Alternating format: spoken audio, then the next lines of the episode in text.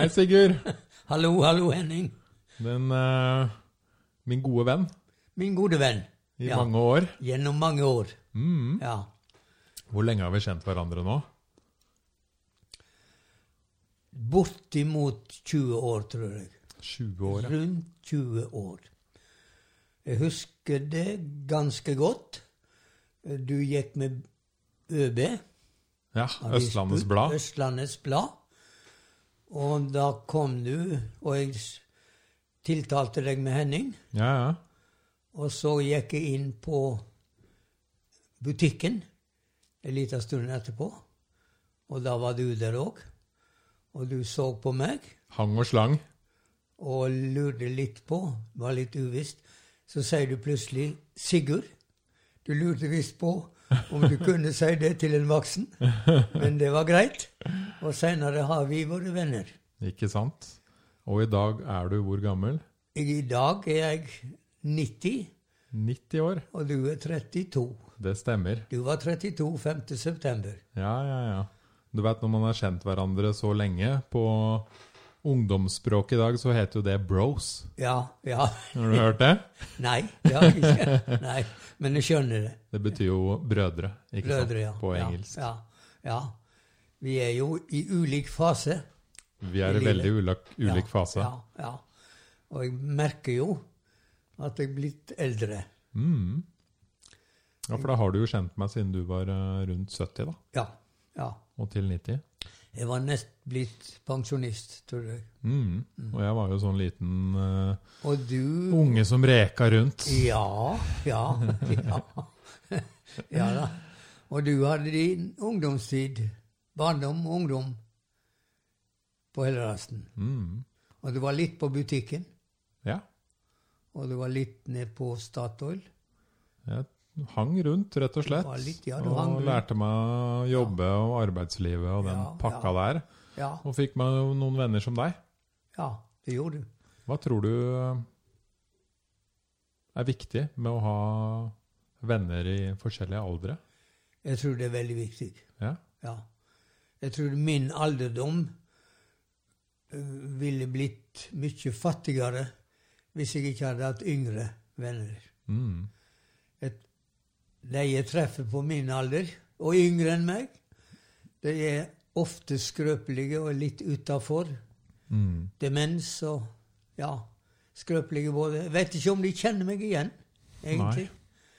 Så det at de da har yngre, i alle aldre, egentlig Mm. i Ja.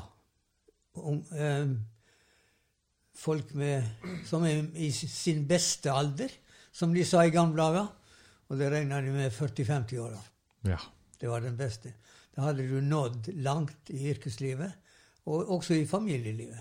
Mm. Når de hadde konfirmanter, så var det i grunnen Ja. Hadde de opplevd mye. Og det kunne slappe litt av. ja. Ofte var økonomien da i orden. Og det verste bekymring. Nettopp. Ja. Jeg har, jeg har lært mye av å ha deg som venn nå. Ja. Du har jo gode refleksjoner om livet. Du har levd et veldig annet liv enn meg. Ja, det har jeg gjort. Ja. Og, det, og Ja. jeg har jo levd et annet liv enn deg. Ja, det har du. Og det, Og det kan man lære. riktig. Det er riktig, det. Ja. Mm. Ja. Og vi har jo hatt mange gode samtaler, og det er derfor også jeg ville ha deg på besøk her i dag. Ja da, ja da. Det har vi hatt. Kjenner du mange igjen av dem du var sammen med den gang? Har du kontakt med mange ungdommer? Av vennegjengen på den tiden. Ja. Eh, jeg hadde jo en kjernegjeng, Ja. og de kjenner jeg godt ennå. Ja. Ja. Ja. Og så er det liksom eh, mange folk rundt den gjengen Ja. som man naturligvis mister litt kontakt med. Ja. ja. Og de var man jo kanskje mest med der og da fordi man gikk på skole sammen, man bodde samme sted, Ja. Ja. eh, og på den tiden hadde samme interesser. ja.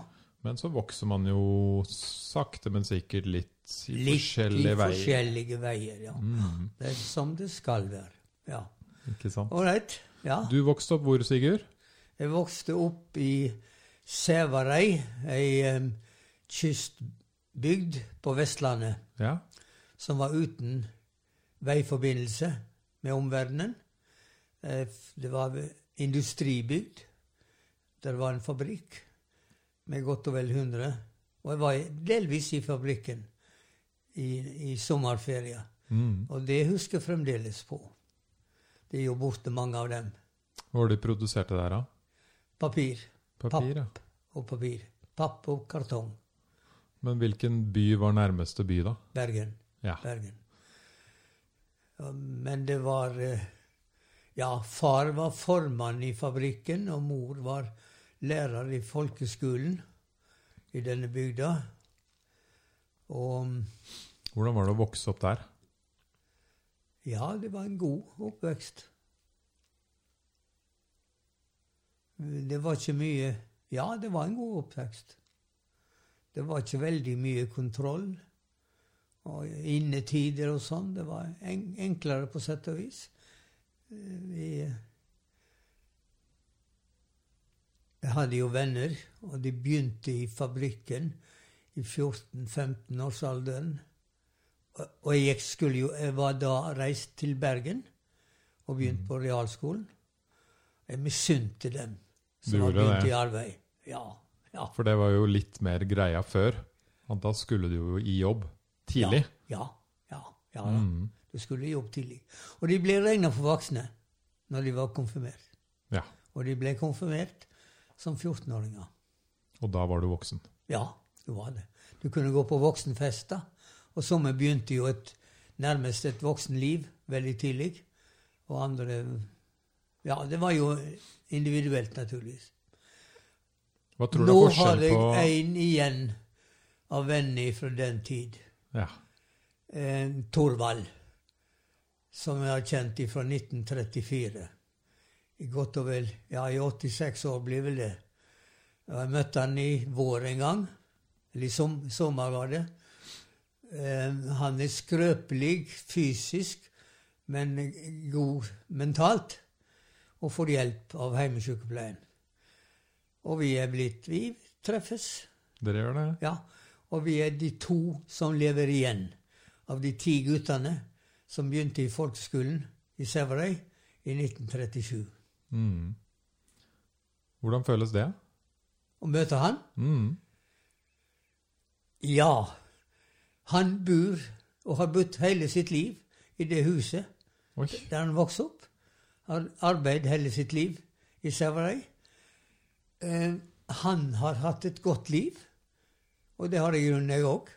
Men det har vært veldig ulikt. Men vi møtes, og det er som å møtes på nytt i gamle dager, det. Det er det. Ja da. Ja, Dere sitter og drikker kaffe og ja, koser dere. Ja, da. Selma er jo noe yngre, kona hans, og hun ordner opp med det. Ja. Mm. ja da. Men tilbake til uh... Men så, i 44, Ja. da flytta jeg til Bergen. Det var siste krigsåret for å gå på realskolen. Hvordan var det å leve under krigen, da? For dette har jo du skrevet litt bøker om og tenkt Ja. mye på. Og jeg lurer på, som eh, aldri har opplevd krig Jeg veit jo ikke hvordan det var å faktisk leve i den tiden. Hvordan var det for deg? Du var jo engasjert i det som skjedde. Jeg husker 9. april.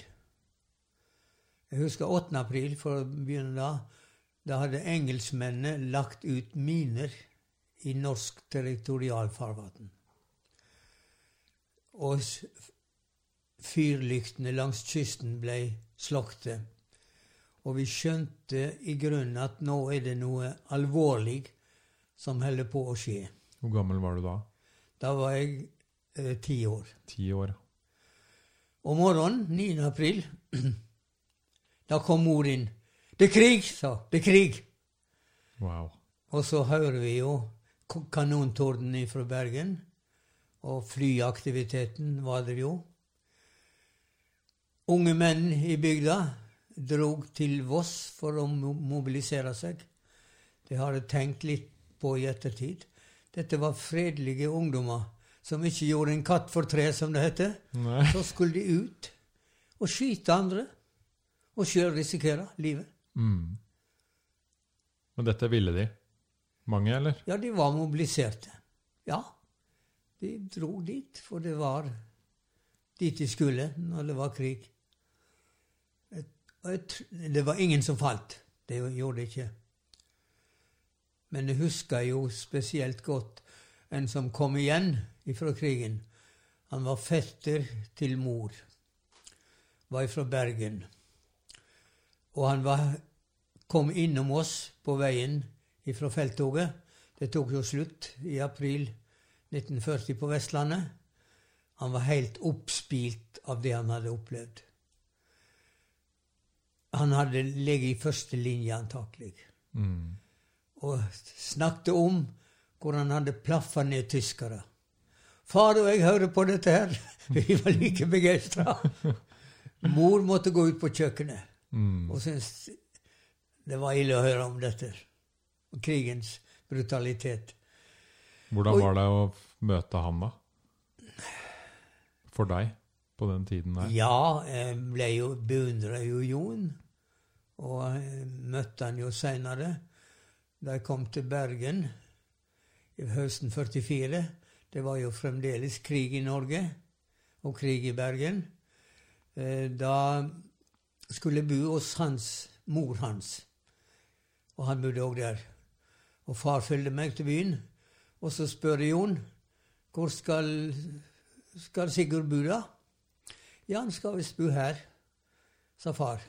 Hos han eh, Jon? Hos mor hans, ja. Mm. Eh, som hadde ei blokk, ei, et hus i Bergen. Og da så han litt betenkt ut. Og jeg lurer på hvorfor det. For det- Jeg var jo i grunnen på vennskapelig basis med han. Men seinere utpå høsten så så jeg at det var noen som kom lurende inn der. Som han hadde kontakt med. Altså, du fikk lov å flytte inn? ja, men da var han da var han, eh, han var i Milorg, han. I undergrunnsbevegelsen. Så han ville ikke at en 14-åring, som jeg var da, eh, skulle bo der.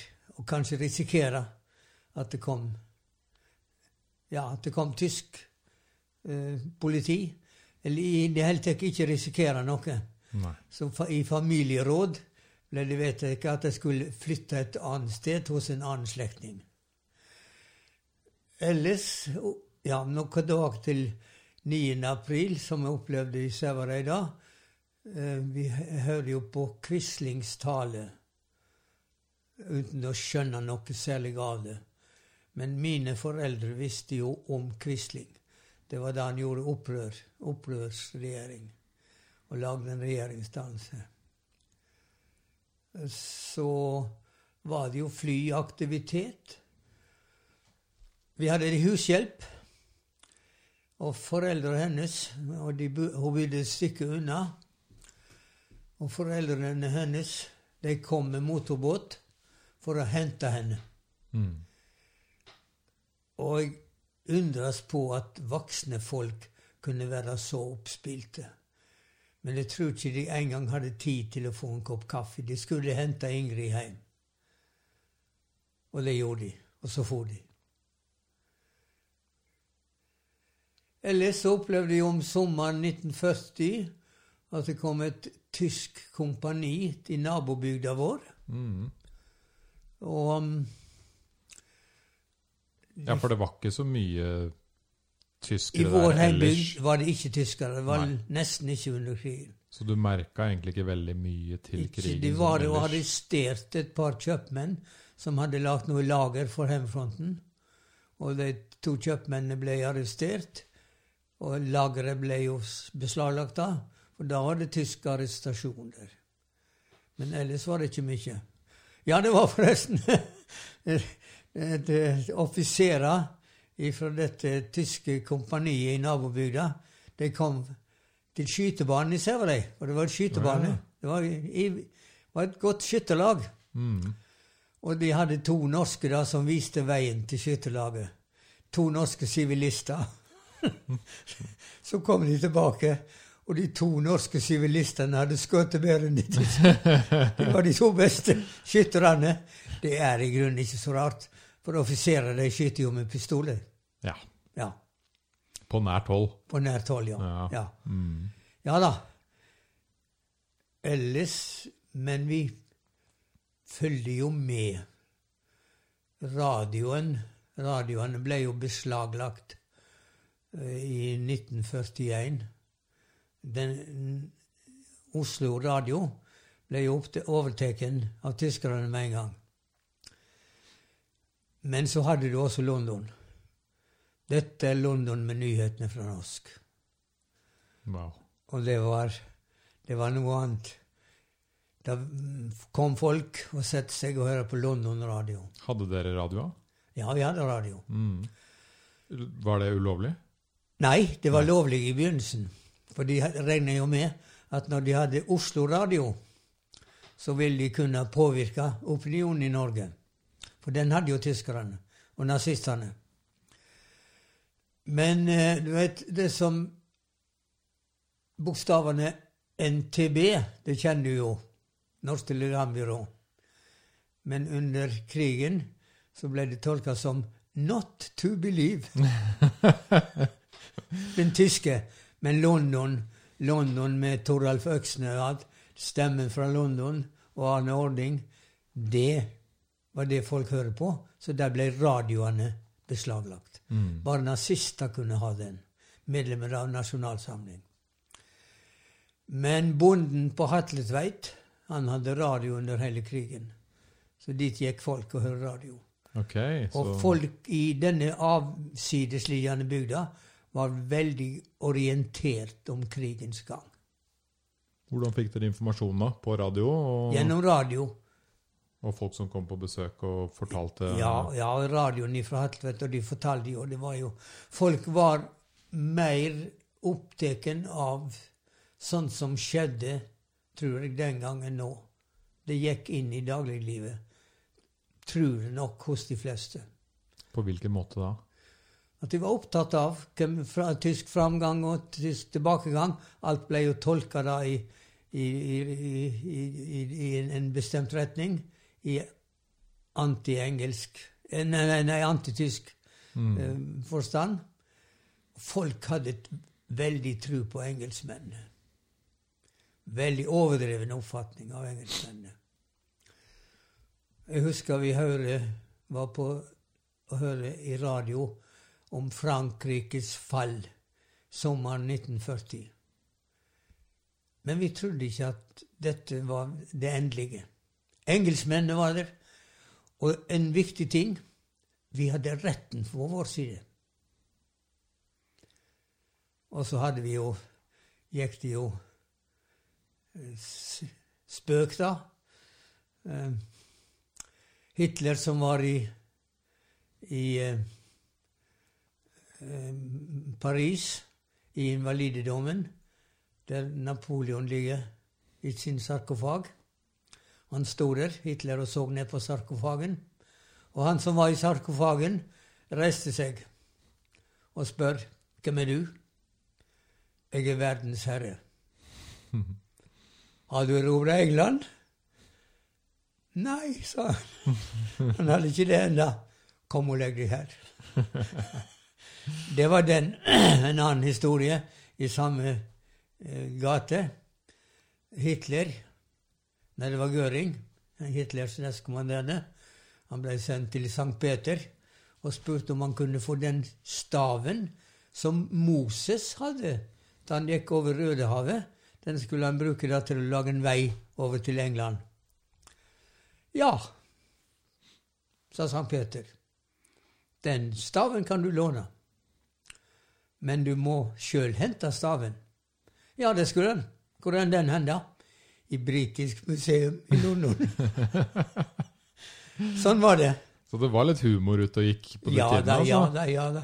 Humor som gikk utover Hitler og utover Quisling. Ja, ja, ja. Ja. Tyskerne tålte ikke godt at det gikk utover Quisling. Nei. Men eh, jeg gikk utover over Hitler. Men Quisling brydde de seg mindre om. Og mye av, av eh, hånen gikk jo på nasjonalsamlinga. Krigen Da jeg kom til Bergen, så opplevde jeg jo krigen på en annen måte. Ja, for det var forskjell fra by til Ja, der var det jo tyske soldater. Den var jo en besatt by. Og um, tyske soldater var jo Ja, møtte vi jo overalt. Og de oppførte seg eksemplarisk. Ja. Men vi visste òg om Gestapo-huset i Veiten 3. Og vi visste jo der at der foregikk det som Gestapo hadde. Vi visste jo at der foregikk det tortur. Men hvordan var det å gå rundt i Bergen? Var det mye tyskere Ja, det var, var tyske soldater. overalt? Og eh, ja, det var, de kunne støte på dem, Ja. for så vidt. Og det var Men hyggelig de, de gjorde ikke noe. Nei. Nei. De gjorde ikke noe galt, de vanlige tyske soldatene. Og det er klart, de, de ville jo Og i, under, i bygdeforhold så kom de jo litt i kontakt med bygdefolk òg. For de var jo utkommandert, de tyske soldatene òg. Så de likte godt at det var fredelig samfunn rundt dem.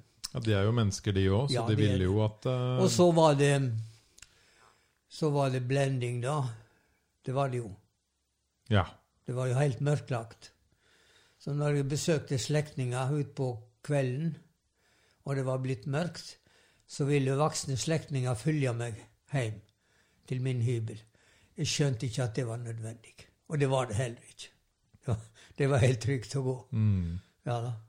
Men det var da du bodde hos han uh... Jeg bodde hos ei, eh, ei tante. En tante, tante ja. til mor. Ja. Ja. Ja da. Ja da. Så i Bergen by var det relativt uh, mange tyskere, men de oppførte seg fint, og Ja, liv, livet rulla og gikk. Det rulla og gikk, men det, som var det var jo det var jo også undergrunnsbevegelse, og det var jo en, det var jo en tøff periode likevel. Det Ja. skjedde jo likvidasjoner, f.eks. Det var to, tysk, to NS-politifolk i det norske nazistiske politiet Stapo som eh, ble likvidert av Hjemmefronten. Ok, hvordan skjedde det? Den ene av dem han hadde jo fått et varsel at nå var de ute etter han. Den norske eh, Ja, ja. Den norske undergrunnsbevegelsen. Mm. Så han tok tilflukt i et hus som nazistene hadde i Bergen.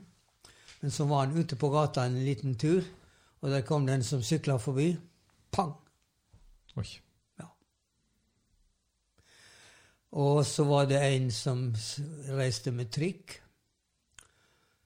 og sto framme på trykken. Så kom det en som var bak han. Pang! Så forsvant han. Men denne NS-soldaten, eller politimannen, han var likvidert. Og Disse historiene regner jeg med at gikk ganske mye rundt. De ja, hørte man om vi hørte om det. når noe sånt Og vi visste, visste om det. Og jeg hadde jo bodde hos en, ei som var strengt kristelig. Og hun hadde en bror som var strengt kristelig, og ei tante som var strengt kristelig. De, de hadde, var av det vestlandske indremisjonsmiljøet. Så lurte vi på hvordan de reagerte på sånn likvidering og sånn brutalitet. Helt i, helt i orden. Det var greit. Det var greit. Det var jo nazister, angivere, dette her. Da kan man se bort ifra boka, Bibelen. Ja, ja, ja. Ikke sant? Sette Ja. den på pause Men, litt. eh, men det, det var jo det var, det, det var jo det var jo så det var jo krig. Det var det. Ja da. Ja. Mm. Og den tok slutt 7. mai. 7. mai regner jeg som 8. mai er den offisielle fredsdagen. Men litt mer sånn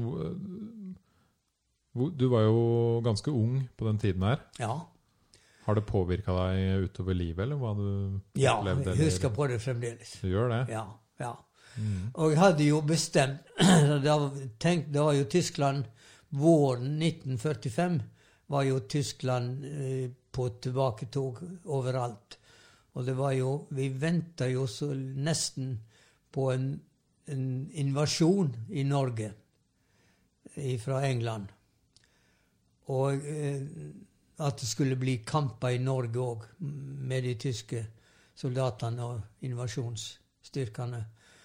Og da hadde jo, jeg hadde jo bestemt meg for at hvis det blir alliert invasjon i Norge, så vil jeg prøve å bli frivillig med i, i, blant de norske styrkene. Jeg hadde vel kanskje sagt at det var yngre, at det var eldre enn 15 år, men Eller 14. Mm. Men jeg husker jo en- en 7. mai, og da var jo det som jeg husker mest, det er jo den avisa som kom om fred og tysk absolutt kapitulasjon overalt i Europa. Og, og folkemengden på Torgallmenningen. De brente blendingsgardiner, og det kom lys i lysverket. Jeg husker ikke mye av noen voldshandlinger, men det var vel noen som hørte til på den andre sida av det norske. Ja, noen som hadde Ja. konvertert? Ja, som hadde gått med, med tysk, gått inn i Nasjonal Samling. Ja, for det må jo også ha vært noen uh, tyske, kjekke unge karer som fant seg en norsk, eh, norsk dame. Ja, Det må jo ha skjedd. det skjedde. Det skjedde. Mm. Og, og det, ja, det skjedde. Og det Og det ble jo Det var jo, var jo Det å gi seg i lag med tyske soldater sånn Det var jo sett ned på veldig Det var sett veldig ned på. Og det å få barn med en tysker, det var i grunnen veldig Sett veldig negativt på. Og disse tysk, tyske jentene ble jo delvis fanga inn og, og hårklipte. Jeg så aldri noe sånt, men jeg hørte jo om det. Og det var jo de offisielle norske myndigheter, Heimefronten, som da trådte fram. Milorg. De kom der med sine armbind. Og de prøvde jo å holde orden på det, og likte jo dårlig dette her. Men det var, en, det var jo litt mobb som greip om seg der. Og herja med de tyske jentene. Ja. Men det var Ja. Mm. De var jo, de var jo lavt nede. De hadde ikke gjort noe straffbart. Nei. Og du kan jo si at nordmenn eh, under krigen De regna jo med kanskje at, var, at de var farlige for no, motstanden òg. At disse tyskerjentene ville fortelle sin tyske kamerat om det de visste om illegale aktiviteter. Men eh, Men disse tyskerne var jo ikke interessert i det. Nei. De, var, de oppsøkte ikke kvinnelige venner for å få noe informasjon om norske motstandsbevegelser. Skulle kose seg. Ja da. ja da. Nei. Så det skjedde nok en del som vi har fått greie på, på etter, etterpå. Jeg snakket jo en gang med en av Quislings ministre. Han overlevde, men han var innenriksminister i Quisling-regjeringa. Og når vi satt og snakket, så kom han og sa at under sammenbruddet, sa han. Og det, som, det er det som vi kaller for frigjøringa. Oh, ja. Det var sammenbruddet for han. Du snakka med han? Ja, Oh, ja. ja da. Intervjua han. Okay. Liksom Ja. Jeg drev litt historiestudier, om, eh, og det har jeg jo gjort Mm. mye av livet, Ja. om, om eh, okkupasjonshistorie. Så intervjua jo han Quisling-ministeren, som overlevde. Mm. Han hadde ikke gjort så mye galt. Men han eh, Og så var han vel blant de heldige som kom for retten litt seint i oppgjøret. For mm, umiddelbart etter krigsopp... Etter fredsslutningen så ble de arrestert, de som hadde deltatt i Stapo og terrorvirksomhet.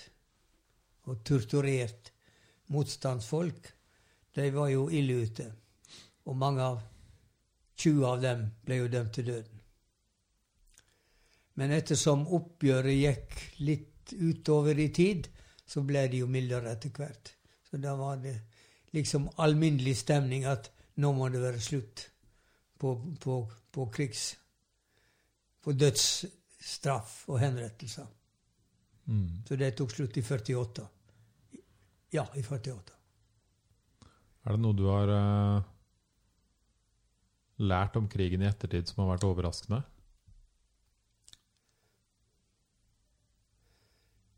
Eh, det som først overrasket, var at det tok jo så lang tid at krigen varte så lenge. Det var det nesten ingen som kunne forestille seg. Vi regna med at det blir fred nokså snart, og med alliert seier. Ja, det var vel enkelte som overraska meg, at jeg hadde deltatt i motstandsbevegelsen. Det er ikke så veldig mange ting som er overraskende. Nei. Nei. Hva med ting som vi uh, burde gjort annerledes? Ja, vi burde kanskje gjort annerledes når det gjaldt å forberede seg på forhånd. Vi var jo dårlig forberedt på den tyske okkupasjonen. Altså, jeg tenker sånn, Hadde vi uansett klart å gjøre noe? De var vel sannsynligvis veldig mange flere enn oss, og Ja, nei. Nei, ikke sant? Nei. Hadde sannsynligvis en sterkere Ja. militær og Ja. Ja. Nei, det er noen som har lurt på det. Hvis vi hadde stått sterkere militært, så kunne vi gjort større motstand. For det tyske angrepet ødela jo mye av mobiliseringa i Norge den 9. april. Men mot den tyske militære styrke hadde vi ikke kunnet hevde oss. Så hvis Hitler ville ta Norge, og der mener mange at det var vår utsatte stilling, vår lange kyst, og de, at det var folkerettslige ting som gjorde at han, Hitler bestemte seg for å ta Norge, og da ville han ha greid det, i alle fall. En del av lærdommen som noen hadde, var jo at vi kan ikke stå alene. Nei. Og det å si at vi vil være nøytrale, det er ikke nok. For når stormaktene har sine, sine, sine interesser, så dominerer det i krigssituasjonen. Så man må velge en side. Ja, du må det. Og det ble jo litt eh, den En av de første som tenkte på det, det var, det var eh, Jens Christian Hauge, som var sjef for Milorg under krigen. Han begynte veldig tidlig å ha den oppfatningen vi må ha noen å støtte oss til på forhånd, som hjelper oss hvis vi blir utsatt. Og han hadde tenkt seg England eh, og hadde forbindelse med England. Men så viste det seg at England var blitt mye mer svekka enn noen visste den gangen. Så, når, så kom da Amerika, USA, med Truman i 1947. Kom Truman-doktrinen. Da, da Truman, den amerikanske presidenten, gikk og sa at nå overtar vi, egentlig. At den som går imot kommunismen, har vår støtte. Så prøvde jo Norge en del å ha mellom Vi hadde jo det idealet at vi ikke skulle velge side, at vi skulle stå mellom, mellom vest og, og, og, og Sovjet. Men til slutt så var vi nødt til å tone flagg, vi òg. Og da ble det Amerika. Mm. Og der er det litt usikkerhet nå. For at eh, Trump har jo i grunnen har så mange rare signal, men det er også nok signal at han ikke vil ha den rollen lenger, å ha, eh, ha være vaktmann for oss. Og i så fall så er det litt spørsmål om hva vi skal foreta oss. Hva tror du, da? Hva tror du er smart? Vi får jo se den 3. november Absolutt. ja, om det blir, hvem det blir der borte. Amerika virker jo ikke her særlig pålitelig. Nei. Nei. Nei. Ikke akkurat nå. Nei. Ikke akkurat nå. Ganske mye kaos der borte. Og de er jo gamle, disse her. Syns jeg òg, da. Jeg er jo mye eldre sjøl. Men jeg er jo det. Ja. Ja. Ja, det er egentlig litt rart Ja. Det er litt rart. at de ikke klarer å få opp Ja. noen Ja. litt Men yngre. eh, det at krig at Det var jo noen som gjorde motstand nokså tidlig. Fra høsten 1940, eh, da bestemte Tyskland at vi satsa på nasjonal samling som skal styre Norge. Etter førerprinsippet. Ha en fører på toppen, Quisling, og hans underviste i tur og Ja, ned til kommunen, ned til kommuneplanet, med ordfører som bestemte. Den, de første som reiste seg mot dette her, var vel i grunnen idrettsfolket. For Når, idretten hadde jo vært splitta i, i Arbeidernes idrettsforbund og Landsforbundet for idrett på borgerlig side, men de slutta seg sammen. Og da den nazistiske, den NS-mannen som var idrettsminister, kom og ville bestemme over dem, så sa de det er ikke aktuelt. Det er ikke aktuelt. Og så da kom idrettsstreiken med det samme. Og den var det hele krigen. Så det ble ikke noe idrett. Nei. Nei. Bare noen få stevner med noen få. Ja, det visste jeg faktisk ikke. Visste du ikke? Nei, Nei. Det, Nei, men idrettsstreiken var noe av det viktigste for norsk holdning under, under krigen. Og det andre var, var, var det kristenfolket, som også var ganske tidlig ute. Med biskop Berggrav, som var biskop i, i Oslo. Han var primas i den i norske kirka. Og han fikk jo med Det var det stått stor strid i, i, blant kristne folk, og de var jo ikke bare gode venner, men det ble de. Og de lagde et kristent samråd som var retta mot nazistene. Og de også sto. Og ja, så, tø- var det, hvordan, hvordan var det i forhold til nazistene? Var de litt sånn hellige folk som de ikke turte å røre, eller? Ja, det kom jo eh, Det endelige bruddet med, med Den norske kirka og kristenfolket, særlig kirka, da, det kom jo våren 42. Da hadde Quisling fått danna ei regjering under tyskerne. Tyskerne bestemte jo fremdeles. Den tyske reikskommissar Terboven. Eh, men han lagde da en lov, Quisling, om at norsk ungdom skulle være medlemmer av Nasjonal Samlings ungdomsfylking. Og så skulle lærerne være i norsk lærersamband. Og det skulle hjelpe til med dette. Og denne loven Det var jo ikke noe realisme i dette. Fantes ikke. Det var ikke, ingen som ville sende ungene i, til Nasjonal Samlings ungdomsfylking. Så det ble det foreldre, og lærerne gikk ut imot dette. De, vi anser oss ikke som medlemmer av dette lærersambandet. Og så gikk også biskop Berg eh, Så gikk også en domprosten i, i Nidaros, Fjellbu. Han gikk eh, da disku, eh, imot og lagde ei gudstjeneste som nazistene syntes var provokatorisk. Han sjøl sa at dette var jo for så vidt ei ordinær gudstjeneste, men de hørte ikke på det, og de hadde vel rett. Han ble avsett. Og da slo biskopen følge med han, og så slo de andre biskopene følge med biskopen i Nidaros, og så alle domprostene, og Berggrav i spissen. Um, tyskerne, og med, med Quisling til hjelp, de prøvde jo å bruke hard, harde tiltak mot lærerne. Hver tiende lærer, tror jeg omtrent, ble arrestert. Og en del av dem ble sendt på, til tvangsarbeid i Kirkenes. Eh,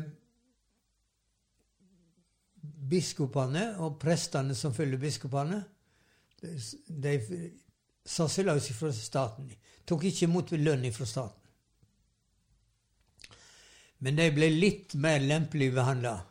Og det at Terboven, jeg tror han fikk beskjed fra Berlin ikke noe, ikke noe bråk med, pres, med presteskapet. Ikke lag noe religionsstrid. Det venta vi med til etter krigen. Så det ble litt mildere der. Og de ga seg også når det gjaldt lærerne. Så, ja, ikke sant. Ja. Men lærerne fikk kjenne på det litt mer, da? De fikk, og de, mm, vi, vi, hadde jo en form for vinterferie som de hadde. Så kom vi igjen etterpå. Skolen var begynt igjen. og da, da var Ja, de var jo egentlig antinazistiske. Og det var, skjønte vi jo, uten at de behøvde å si det. Ja. Ja. ja. De hinta til det? Litt ja, sånn Ja. Ja. mm. ja. Og den 7. og 8. mai, Ja. da var det fest Da var det i gatene. Da var det fest i gatene. Ja. Hvordan føltes det? Å, det var Å stå en opp, Husker du den dagen? Å ja, å ja. Fortell meg fra morgenen hvordan den Morgenen var som vanlig. Ja? Men vi, vi var spent, fordi at tyskerne hadde kapitulert i, i, i, i Nord-Tyskland og i Danmark den 4. mai. Kapitulert overfor feltmarskalk Montgomery. Så vi venta jo kanskje det blir tysk kapitulasjon i Norge også. Så vi var jo veldig spent. Men det gikk jo på skolen som vanlig. Jeg gikk på ettermiddagsskole. Og det hadde ikke skjedd noe på formiddagen. Men midt på dagen hadde vi fått melding fra den tyske utenriksminister, som hadde sendt melding om at nå hadde de undertegna fullstendig tysk kapitulasjon i Europa. Så da var det jo fred. ja. da Fortell mer om den dagen. da. Hvordan var det å gå ut av døra da? Jeg kom fra skolen og så det, da var det jo folkehav. vet du hva. All jubel overalt, og, Mm. og brenning av blendingsgardiner, og, og lys overalt. Og ja. Og disse her på den andre sida, nazister som ble arrestert, og det var de jo Det ble Så kom jo Dagen etter kom jo Milorg fram. Det var 40 000 Milorg-soldater. 40 000, Ja. Og de kom med bind rundt armen. De hadde jo ikke full uniform, men de hadde bind rundt armen. Da skulle du endelig få vise hvem de var. Ja, og det var De ble jo beundra, de som var med i Milorg. Folkehelter. Ja, folkehelter. Ja, Mm. det Hvordan Kjente du til noen sånne, eller visste man liksom hvem de var? Nei, det Nei. visste ikke. Nei. Så de holdt virkelig hemmelig? Ja, ja, ja, ja. Ja da. Ja. Men man hørte om historiene om dem? Ja, ja. I, på vår, I vår heimbygd så var vel Det var vel folk som var på flukt, var nok tatt vare på av en del som var i undergrunnsbevegelsen. Og det var mot slutten av krigen var det slipp. Vet du hva det er? Nei. Slipp. Det er når de, når de, eh, det var fallskjerm. Oh, ja. De sender ned forsyninger, våpenforsyninger og ammunisjon. Væpna Milorg. Så noe sånne slipp var det jo i mye heimbygd òg. Og det var det jo en del ungdom som var med på, tok imot. Og så var det jo ellers Skjedde det jo på forskjellig vis. Um, det var en som var i ei nabobygd, som var på flukt og lå i dekning. Eh, og så var det i min heimbygd en losje, i Godtempla losje.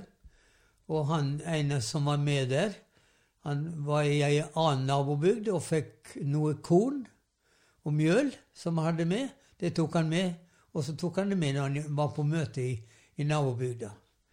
Så det skjedde i Libya, på en naturlig måte, uten at det ble oppdaga, egentlig. Men hva som ellers var motstandsarbeid, det var jo ikke så Det var jo bare Det var jo ikke alle som var med i det. Det var et fåtall, det, egentlig. Ja, ja. Det var det. Men holdningen Den var, den var, var gitt hos de fleste. Vet du noe om hvordan livet i Oslo var, da? Hadde du slektninger, eller eh, Jeg hadde vel ikke noe særlig. Jeg vet jo Jeg har jo snakka med noen som var i Oslo her. Det var jo Ja, det var jo krigs... Det var jo noe krigsskader krigsskade Eksplosjonsulykke i 1943 borte mot eh, med, med Akersmekk omtrent. Og så var det jo en trikk som ble ramma av alliert bombefly. En nyttårsaften 44 var vel det. De prøvde å ta Victoria terrasse. Der var nazister. Heimefronten hadde bedt om de bedt England om å ta denne. Eh, Og det bombeangrep var det jo under krigen i Bergen òg, da jeg kom. Men det var jo ikke var ikke noe nervøs for det. Nei. Det var en del av livet? Det var en del av livet. Eh, Etter et bombeangrep i oktober 1940, der det gikk med en hel del barn, og det ble en skole på Laksevåg som ble truffet, da flytta eh, mødre med barn ut på landet. Men for meg var aldri det noe aktuelt. Så du Nei. var voksen når du var 14. Ja. Ja. Det var det. Ja. Jeg Ja. med en venn av meg eh, om det her om dagen. At eh, Var man mer voksen når man var 14 på den tiden enn man er nå? Har du tenkt noe på det? Det var jo et veldig Jeg har ikke tenkt på det. Ja du er, vel, du er vel kanskje litt mer voksen når du må, må delta i arbeidslivet. Når du begynner i jobb. Tror det nok. Jeg tror nok disse vennene mine fra folkeskolen, som jeg ble konfirmert sammen med, var nok De var jo på sett og vis voksne. Og de Ja. Men eh, Nei, jeg vet ikke sikkert. Jeg vet ikke sikkert. Nei. Og voks, voksenmønsteret, det var vel ikke så veldig ulikt det som er i dag. Men eh, jeg tror nok noen av disse Det gjaldt jo ikke alle, men jeg tror nok, nok kanskje noen av 14-åringene eh, som gikk på voksenfest, som det jo var. Hva skjedde på de voksenfestene? Eller hva betyr det? Ja, det var jo dans. Det var dans. Det var dans, ja. Men det var jo etter krigen. dette. Mm. Det var etter krigen. Etter. Men det du, det du forteller, det du spør om, er jo også etter krigen. Ja. Ungdom etter, ungdomstid etter krigen. Ja, det var nok en del som drakk veldig tidlig, tror jeg. Men ellers eh, Ellers veit jeg ikke egentlig. Nei. Nei. Og jeg opplevde jo min eh, ungdomsalder litt annerledes enn mine kamerater, iallfall, som har begynt tidlig ute i, i arbeidsliv. Jeg var jo hjemme i ferie og arbeidet jo i fabrikken, så jeg møtte dem jo. Og var jo litt med i fritidslivet òg. Men det var, nok, det var nok litt annet enn en mitt. Og jeg skulle jo utdanne meg Ja. gå videre og bli ingeniør. Og mm, de andre skulle jo ikke det. Nei. For det var fortsatt på den tiden mest vanlig å skulle jobbe Ja, Ja. det var nok det. Ja. Ja, enn å studere. ja, det var det. Men av mine kamerater eh, var- var jo ikke, var ikke det aktuelt. Nei. Ellers, Hvordan var det med mat og sånn, da? Var det under krigen, under krigen? veldig variasjon. Ja. Jeg tror, eh, det, det var jo rasjon. Hva pleide man å spise? Ja, det var jo Syltetøy var vel brukt. Sylt, det var ved å sylte en hel del. Eh, Ja, syl Sylta grønnsaker og sånn, eller syltetøy? Syltetøy. Syltetøy, ja. folk var jo ute og Plukka. plukka bær, plukka bær og dyrka. Hvis du hadde hvis du hadde gard, så kunne du leve ganske godt. Det vil si, det var jo, var jo sydfrukter da, som ikke var å få. Det var um, appelsiner og bananer, for eksempel. Det, det fantes jo ikke. Og tobakk var jo lite av. Ja. Kaffe var det lite av. Eh, tobakk ble jo dyrka. Og, av, og ble laga røyk av mange slags merkelige ting under krigen. Eh, det var ikke hungersnød i Norge. Men eh, mat, det var ensidig kosthold. Ja. Og det var nok ikke alle som ble mett. Det var rasjon på varer. På nesten alle varer. Brød og melk og eh, margarin og alt mulig. Enkelt kosthold. Enkelt kosthold. Og du fikk ikke alltid dette heller. Det var ikke alltid melk mjølk og, og, og smør å få. Ost var det vel Ost var jo en del Ikke så mye Ja, ja. Men så Men- slutta jo krigen etter hvert, da. Og Men så, det ble jo verre. Kostholdet var jo, var jo skrallere etter hvert. Det var det. Så levestandarden gikk jo ned. Mm. Den gjorde det. og folk ble jo Noen ble nok underernært. Levde du i by og ikke hadde noen forbindelse med landet, og hadde lite inntekt, bare inntekter, snaue inntekter, så var det nok, var det nok eh, veldig snaut, egentlig. Ja. Men så Men eh, for, for bønder så var det godt. Var det, de hadde jo mjølk og, og eh, Ja, mjølk og kjøtt og grønnsaker og Grønnsaker, man, ja. Og de hadde litt til overs til salg også. Ja. Så den som hadde forbindelse med Eller gikk og kjøpte, eh, kunne få kjøpe noe i tillegg til det du fikk fått på rasjon. Så det hjelpte jo på. Hvis det blir krig, så burde man kjenne en bonde eller to. Ja. Så brukte du jo tomtene dine sjøl. Hvis, hvis det begynte, ble krig nå, så ville jo vi planta poteter på, på eiendommen. Ja, Plen. Sin egen, sin ja, egen eiendom. Ja, ja, ja. Og vi ville vel, de vil rundt omkring ville vel folk hatt høner, vil jeg tro. Kaniner var det jo mange som hadde. Og villagris hadde mange.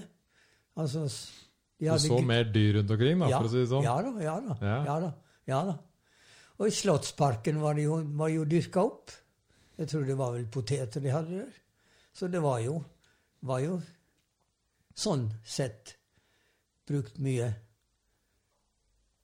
som du kunne, kunne utføre når du hadde et stykke jord eller noe sånt. Hvordan ble livet etter krigen, da? Ja, etter krigen var det jo eh, en periode du skulle eh, Det var jo en gjenreisingstid. Så det gikk langsomt, men sikkert framover. Landet skulle Og så var det oppgjør med dem som hadde stått på tyskernes side, eller, na, eller Nasjonal Samling. Det var jo 25 dødsdommer, blant annet. Og, eh, tre Quisling-ministre og, og 20 som hadde utført tortur i det tyske I det norske nazistiske politiet, Stapo, statspolitiet. Ellers ble det jo var jo gjenreising overalt var folk interessert i. Ja. Bedre skole, bedre hus, bedre bolig, Boligproduksjonen hadde jo stått stille, naturligvis. Det var jo ikke bygd noe. Det var jo ikke vare til det. Og det var jo slitasje på, på klær og sko.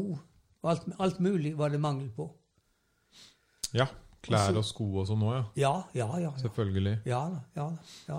Du hadde brukt de skoene et par år, og Ja. Og skomakeren min mangler jo varer for å lage nye sko. Ja, ja da, ja da. Ja da. Nei, Så det var et, et, et samfunn som var prega av fattigdom, kan du nok si. Ja. Ja. Men motivert for å reise seg opp igjen. Å ja, å ja, Ja. å ja. Og lykkeligere. Ja, ja, ja. Og rettssamfunnet var jo for de fleste da. Var det mange folk som var uh, hardt prega av krigen òg? Ja, det var nok en del som var om mer enn vi visste den gang. Ja, for det var ikke så mye åpenhet. Der kom jo folk fra fangenskap og gikk inn i toppstillinger i samfunnet. Du fikk en statsminister som hadde vært tre år i fengsel, og han hadde mer enn seg statsråder som hadde samme bakgrunn. Og det ante oss i grunnen ikke at uh, krigen hadde satt gjort sin gjerning hos dem òg. de som vel Den gruppe som hadde hatt påkjenninger som vi ikke var klar over, det var sjøfolk. Det var jo mange Sjøfolk, sjøfolk. ja. sjøfolk. De levde jo veldig Kunne risikere at en torpedo kom når som helst. Ja. Så de som levde ute i handelsflåten, de måtte ha en enorm påkjenning. Og det viste seg jo. Men vi var ikke klar over det. Hvor det viste seg. Det viste seg jo mye i alkoholforbruk, og, og de ble jo Ja. ja, for det er jo typisk det når man har det fælt, så tyr man jo ofte til Ja. sånne ting. Ja da. Ja da. Ja. Også folk som hadde Og så kjenner jo folk som, som hadde nærstående, som hadde vært i, i fangenskap, og fanger òg, som nok var prega av dette. Det er ikke bare bare. Nei. Nei. Men Og så så, men det er jo individuelt. Det er jo det. Ja, det er jo det. Noen takla det vel sikkert bra òg. Ja, ja. Som, merk, som gikk jo gjennom det. At det var den gangen, det, og ikke nå. Og så gikk jo årene etter hvert, da. Og så Ja.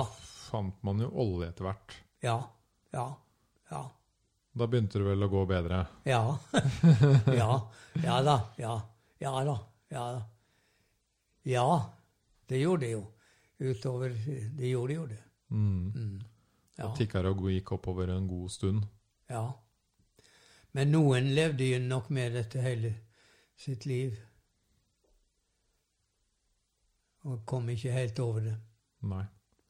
Det er nok mange historier som går tapt også. Ja, ja. Det er det nok. Det er nok. Det ble nok av og til kanskje også gjort litt Gikk kanskje litt hardt utover over tidligere nazister òg. Tidligere NS-medlemmer. Men under krigen var det jo skarpe fronter, stort sett. Også innen familier. Mor hadde ei tante i Bergen, tante Martha, og hun sa at jeg hadde har en sønn i tysk, eh, tysk tukthus i, i Hamburg. En sønn som har vært i Grini, og en svigersønn som er lærer, som har vært arrestert. Men det verste er dette med Carl. Og det Carl, det var broren. Han, han var såkalt stripet. Hva betydde det? Det betydde at du sto midt imellom nazister og, Å ja. og, og, og motstandsfolk. Han sa noe fordelaktig om tyskere, f.eks. Det ble ikke tålt. Nei. Det var det verste av Skulle ikke si noe fordelaktig om Folk tyskere. kunne være i fengsel og ha det Ja. fælt, men Nei. Nei. Karl, Nei. han Nei. Dette at han gikk rundt i bygda og sa noe fordelaktig om tyskere, nei. Det var det verste. ja. Ja. Ja. Ja. Ja. Ja. Ja. Ja. Ungdomstid den gang og nå, det er jo mye mer skolegang. Det er det. Ja. Og det er vel bra? Ja, det er det. Ja. Det er det. Det er det. det er det. Når følte du at du var voksen? Hmm. Godt spørsmål. I slutten av 20-årene. ja. Ja vel. Ja vel. Kanskje ordentlig voksen, i hvert fall. Ja, ja, Ja, ja. ja. Ja. Vil jeg si. Ja. Ja. Det jo, men jeg, jeg har jo alltid jobba. ja det har du. Ja, Men eh, det har du. jeg er ung til sinns. Ja, ja, ja. ja, ja. Nei, jeg veit egentlig ikke hva det hva, hva betyr det å være voksen? Å ta sine egne valg? Å være ansvarlig for seg selv? ja du har jo ansvaret for deg sjøl. Ja, for det har jeg jo vært lenge. Ja. Men uh, Ja. siden jeg var 18. Ja. Ja. Men jeg følte meg jo ikke voksen. Selv om jeg flytta hjemmefra og Ja. dro i militæret og bodde i India og sånn. Det, Jeg var jo fortsatt ja, ung det er klart, da var du voksen. topplokket. Da var du Jeg var voksen, men ung i topplokket. Når hadde du egen hybel? Mm. Når jeg var uh, 26-27? Å ja. Ja. Ja. Ja. Mm. Ja. 26-27? Ja. Mm. Ja. Da begynte jeg vel kanskje å føle meg voksen, ja. ja. Nettopp. Ja. ja. Ja. Mm. Men så har det heller ikke vært, vært på en måte så viktig for meg Nei. om jeg er voksen eller Men jeg har ikke vært Nei. barn. Nei, du har ikke vært barn. Nei. Nei. Nei. Nei. Nei. Så, Neida. men det er jo interessant uh, om man Og så er det en annen ting jeg, vi har, jeg har også diskutert med noen venner, er jo barn i dag, når du er 14, Ja. blir konfirmert, så er, du, så er du på en måte Du har jo tilgang til ekstremt mye mer informasjon Ja, enn før. det har du. Det har du. Ja. Ja.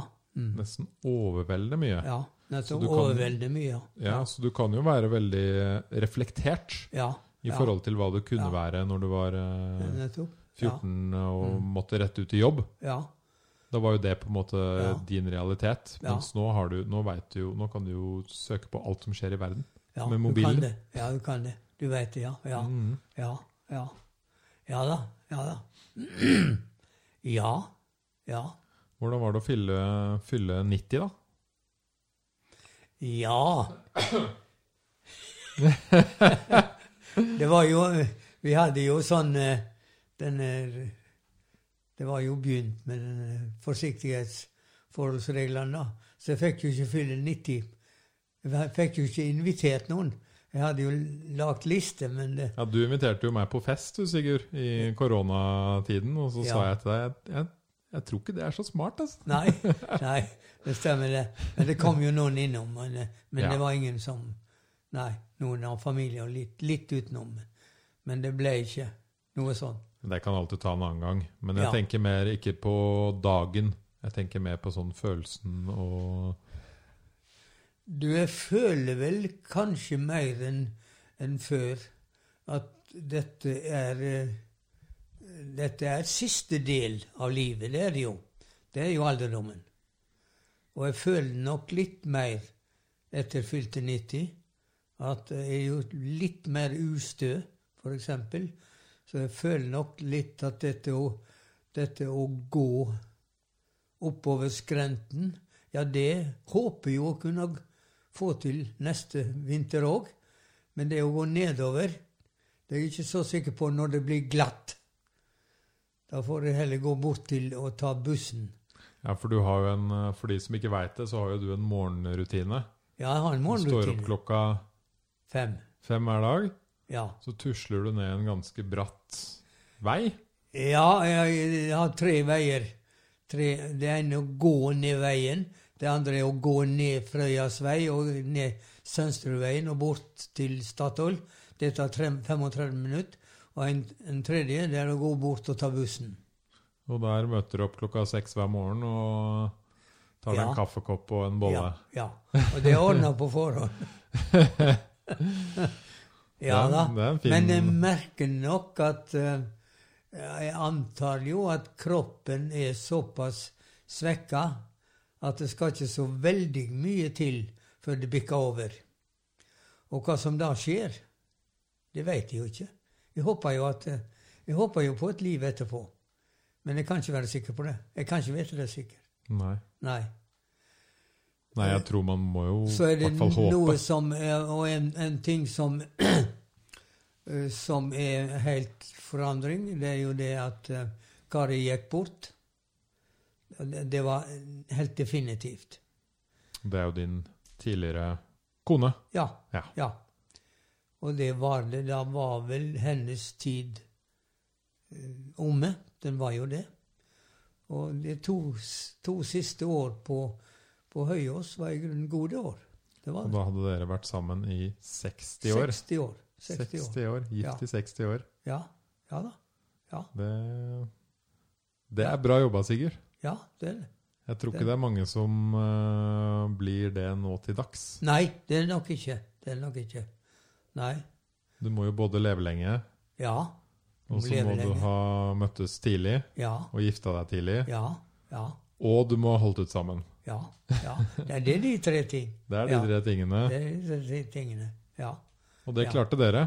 Ja, det gjorde vi. Det gjorde vi. Ja. Og det jeg bestemte da, det er jo at du Du, du kan ikke Du må ikke la deg slå ned av dette at, at uh, ektefellen går bort. Og det vil ikke, vil ikke Karja likt heller. Du må, du må jo leve videre. Men du må huske på det som var. Men ikke la deg lamme. Ikke la deg lamslå av det. Nei. Nei. Du må minnes alt det gode, Ja. Ja. men ikke la det ødelegge ditt eget liv. Nei. Ikke Nei. sant? Nei, jeg er jo sammen også med to som har mista ektefellene. Eh, Berit og Sibylla. Sibylla kommer med kaffe, og Berit har en leilighet. Hun kan ikke komme seg ut, for beina eh, fungerer ikke lenger. Men det er, og det er Vi har det til felles. Og det, det blir ikke Det er aldri aktuelt med noe kjæresteforhold eller noe sånt. Nei. Nei. nei. Det er utelukka. Mm. Ja. Men hvordan er det da når du kommer opp i 80- og 90-åra og folk rundt deg begynner å rett og slett dø? Ja. Hvordan håndterer man det? Du virker jo som en, hver gang jeg møter deg, en veldig glad person. Ja, jeg er glad. Du er en glad person. Ja, jeg er det. Men eh, jeg må si jeg er sliten når jeg har Mm. vært innom på Høyås. Ja, og det er jo et eldrehjem. Ja. Ja. ja, det er det. det, er det.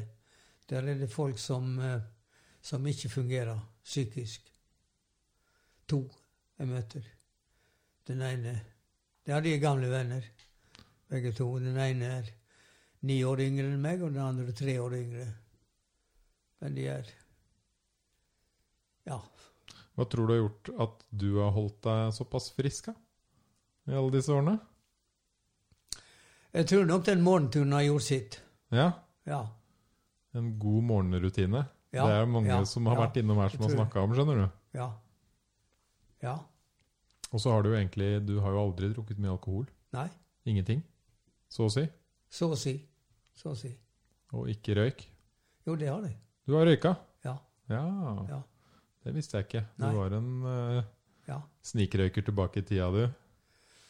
Ja, det må nok tilbake en stund i tida, ja. Ja. ja.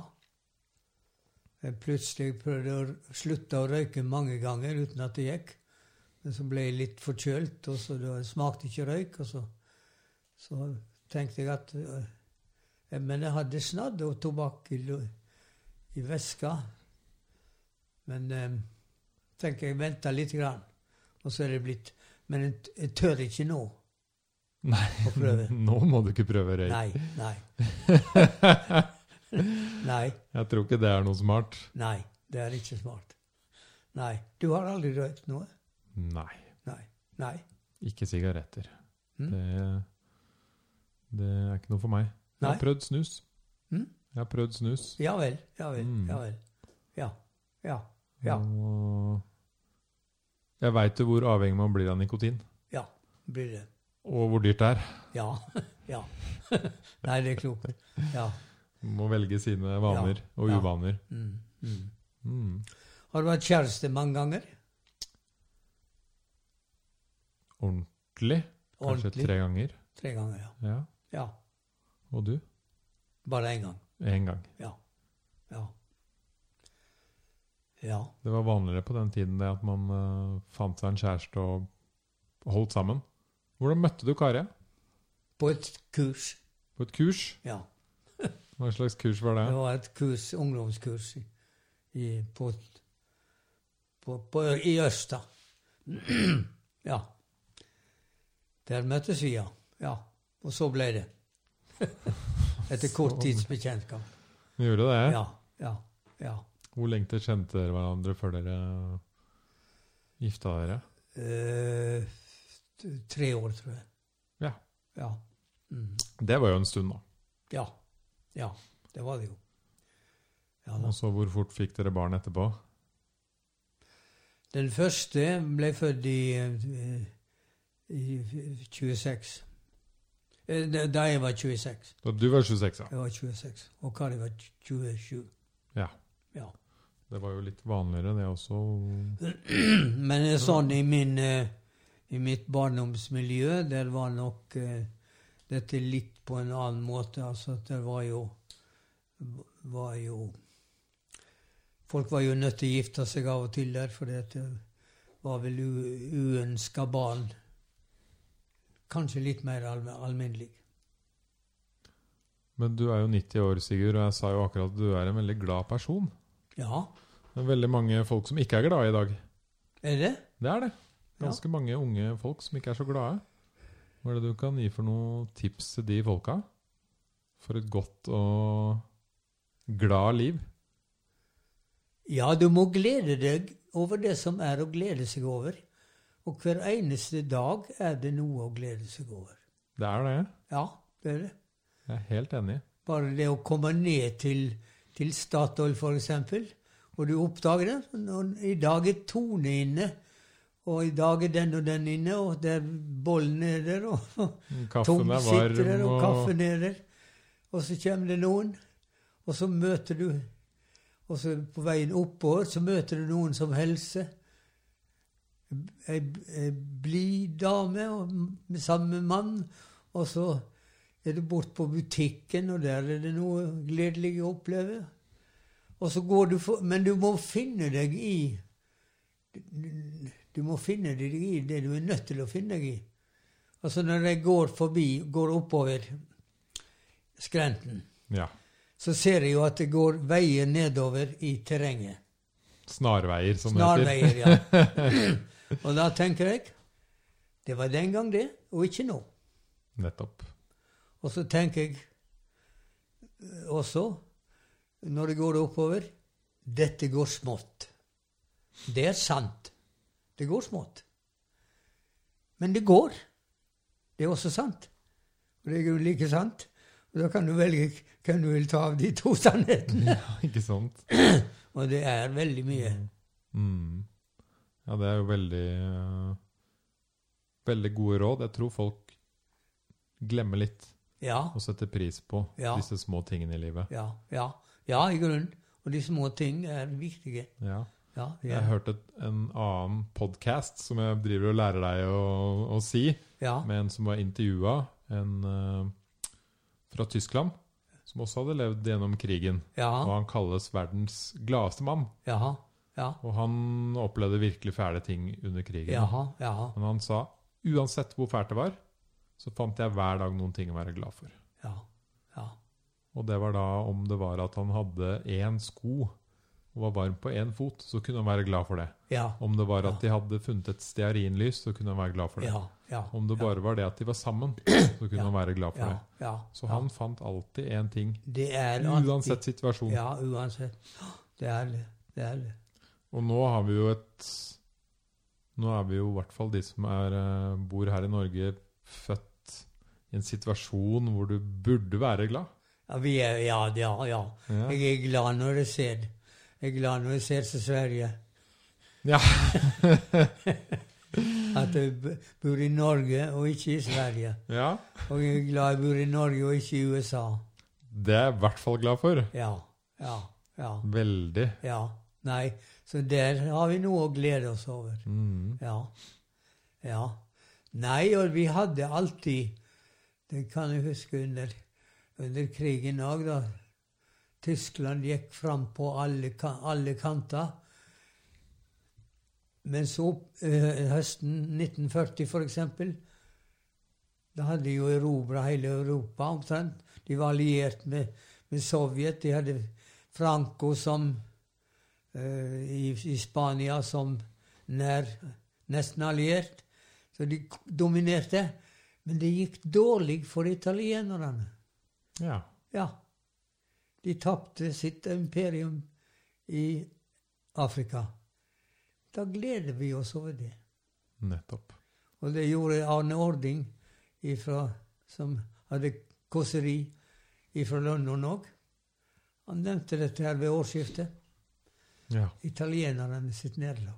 Det var sant, det han sa. Det er sant. Ja. Ja, og ikke bare det. Jeg regner med at når dere satt på kveldene i Bergen eller på kveldene ute på landsbyen din og hadde fått tak i et brød, så var dere glad for det? Ja. Ja. Ja. Ikke sant? Jo da. Dere hadde fått en, endelig en eh, Ja. glassflaske med melk. Ja. Ja. Deilig. ja. Det var det. Hvilke andre ting eh, Hvilke andre råd? Nei, men det er, det, er et viktig råd. Ja. Absolutt. Ja. Ja. Ja. Og så må du finne deg i, i at andre har sitt område der, der de bestemmer. Og det må du bøye deg for. På hvilken måte da? Eh, ja, hvis det er noe du gjerne vil, og som en annen ikke vil være med på, så må du respektere vedkommendes valg. Det er veldig viktig. Det er viktig. Ja. Ja, det er veldig viktig. Det er viktig å respektere de valgene andre folk tar. Ja, det er det. Det er en grunn til at de tar de. Ja, ja, det er det. Ja. Ikke minst i forholdet menn og kvinner. Det er dette viktig. Ja. Mm.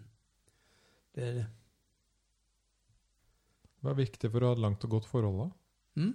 Et langt og godt forhold? Ja. Hva er, fortell oss dine hemmeligheter for det. Du holdt, dere var jo sammen i 60 år. Ja. Ja. Ja, vi var Eller jo ikke, var vi var slett ikke alltid 63? enige. Nei, nei, Nei. selvfølgelig ikke. Nei, nei. Nei, vet ikke, men Nei, jeg vet, ikke. Nå er det mange som lurer. Bare sånn, wow, 60 år? Det er jo imponerende. Ja, ja, ja. Ja, nei, egentlig imponerende er det vel ikke, egentlig. Nei. Nei. Men eh, når man ikke er enig, da, hva gjør man da?